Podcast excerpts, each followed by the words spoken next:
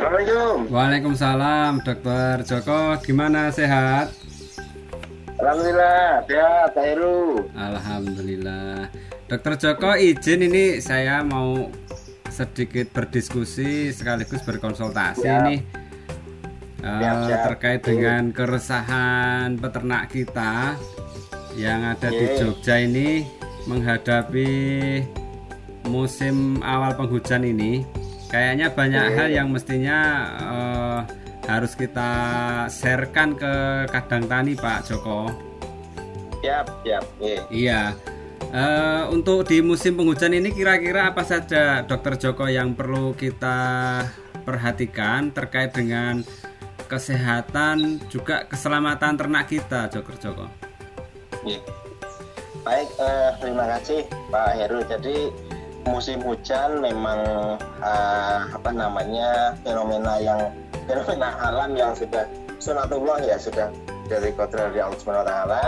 Nah, ini kita eh, akan menyikapinya seperti apa pada ternak-ternak kita terutama.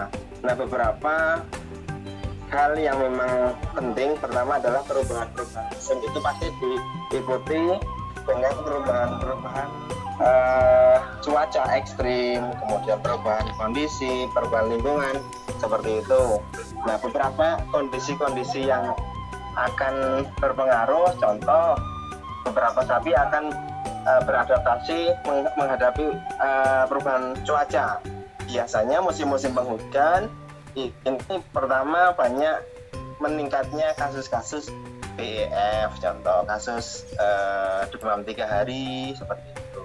Karena biasanya musim penghujan diikuti dengan peningkatan jumlah populasi nyamuk sebagai salah satu agen penularan eh, demam tiga hari. Nah, itu. Kemudian kualitas air minum juga harus diperhatikan untuk sahabat-sahabat tani di Jogja.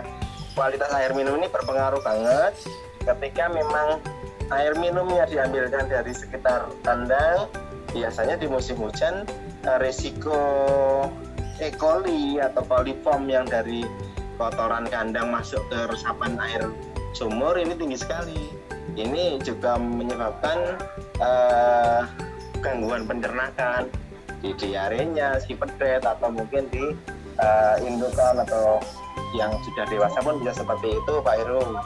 Oh, gitu ya. Jadi ada Oke. demam tiga hari, kemudian kualitas air ini harus kita perhatikan ya. Hmm. Betul, betul. Terus untuk antisipasinya kaitannya dengan apa? Pakan gimana, Dokter? Ya, eh, untuk pakan memang yang harus hati-hati tadi pakan-pakan dengan yang baru tumbuh, pakan-pakan yang dipupuk langsung dari pupuk kandang, biasanya pas pas muda-mudanya, pas sapi seneng-senengnya makan, ini tadi resikonya salah satunya karena nitrogennya cukup tinggi dia ada- ada diare. Tapi juga yang hati-hati lagi kalau pas benar-benar muda banget kemudian dia kandungan nitrat nitratnya tinggi ini juga beberapa kasus di Lampung banyak kejadian keracunan nitrat keracunan nitrit itu berasal dari rumput yang mendapatkan pupuk langsung dari kandang atau pem- pemupukan pemupukan rumputnya dengan urea yang konsentrasi cukup tinggi. Ini namanya racun, racun nitrat nitrit gitu pak. Hmm, ya, ya, ya. Oke, Dokter Joko, eh, kaitannya dengan keracunan nitrit itu, terus kira-kira yang harus dilakukan petani apa pertolongan pertamanya, dok? Kalau racun nitrat nitrit ini dia eh, tidak seganas kalau sianida pada daun singkong ya, tidak Mm-mm, seganas nggih, itu. nggih. Bisa yang bersifat kronis atau kadang eh, kadang sapi tetap tahan dengan itu. Oh, nah itu iya, hanya iya. bisa dihindari, hanya Iya. di- di- dihindari, dicegah supaya benar-benar eh, pada kandang-kandang pada rumput yang dipupuk langsung dari kotoran kandang ini ya kalau bisa jangan langsung diberikan Hmm. Atau diberikannya sedikit-sedikit boleh supaya konsentrasinya tidak terlalu tinggi. Iya. Eh, dicampur dengan rumput-rumput yang berasal dari tempat lain kan seperti itu. Oh, Oke oke. Oke dok, iya iya iya dokter Joko ya. Eh, terus kaitannya dengan kebutuhan serat Eh, di musim penghujan ini peternak harus menyiapkan apa dok? Nah, sebenarnya serat itu kan dipenuhi dari rumput. Iya iya benar. dari rumputnya. Cuma kalau memang rumputnya tadi rumputnya sudah umurnya bagus, kalau cooking grass contoh atau eh, jagung itu sudah di atas 45 hari, itu sudah sumber seratnya sudah excellent, apalagi apalagi yang 60 hari. Nah, itu sumber seratnya bagus. Atau sumber serat yang lebih excellent lagi ya salah satunya jerami. Cuma di jerami ini ada ikatan eh, lignin yang tidak bisa terpecahkan, termasuk silika yang tidak bisa dicerna oleh sapi sehingga salah satu eh, proses processing namanya fermentasi ini ini memecah eh, ikatan eh, lignin dan juga menghilangkan silika tadi Pak Heru. Hmm, nggih, nggih, nggih. Eh, gini dok, kalau tadi kaitannya dengan kualitas air, kemudian tadi ada E. coli. Nah, mungkin nggak dok di dalam eh, keseharian petani ini kan memupuknya itu kan dengan kotoran sapi ya, dan kita tahu bahwa di dalam kotoran sapi itu cenderung kad- kadar kolinya kan relatif tinggi. Nah, eh, kaitannya dengan hujan, kemudian dengan pertumbuhan eh, rumput, kemudian kan disabit oleh petani, terutama yang rumput-rumput yang yang dekat dengan tanah. Apa perlu waspada terhadap koli eh, eh, terkait dengan hijauan makanan ternak yang diambil oleh petani ini? Kalau di makanannya di rumputnya tidak berisiko sih Pak. Kotoran yang uh, kalau kandungan kolinya tinggi kemudian dipupukkan itu tidak berisiko menyebabkan uh, di, di di rumputnya.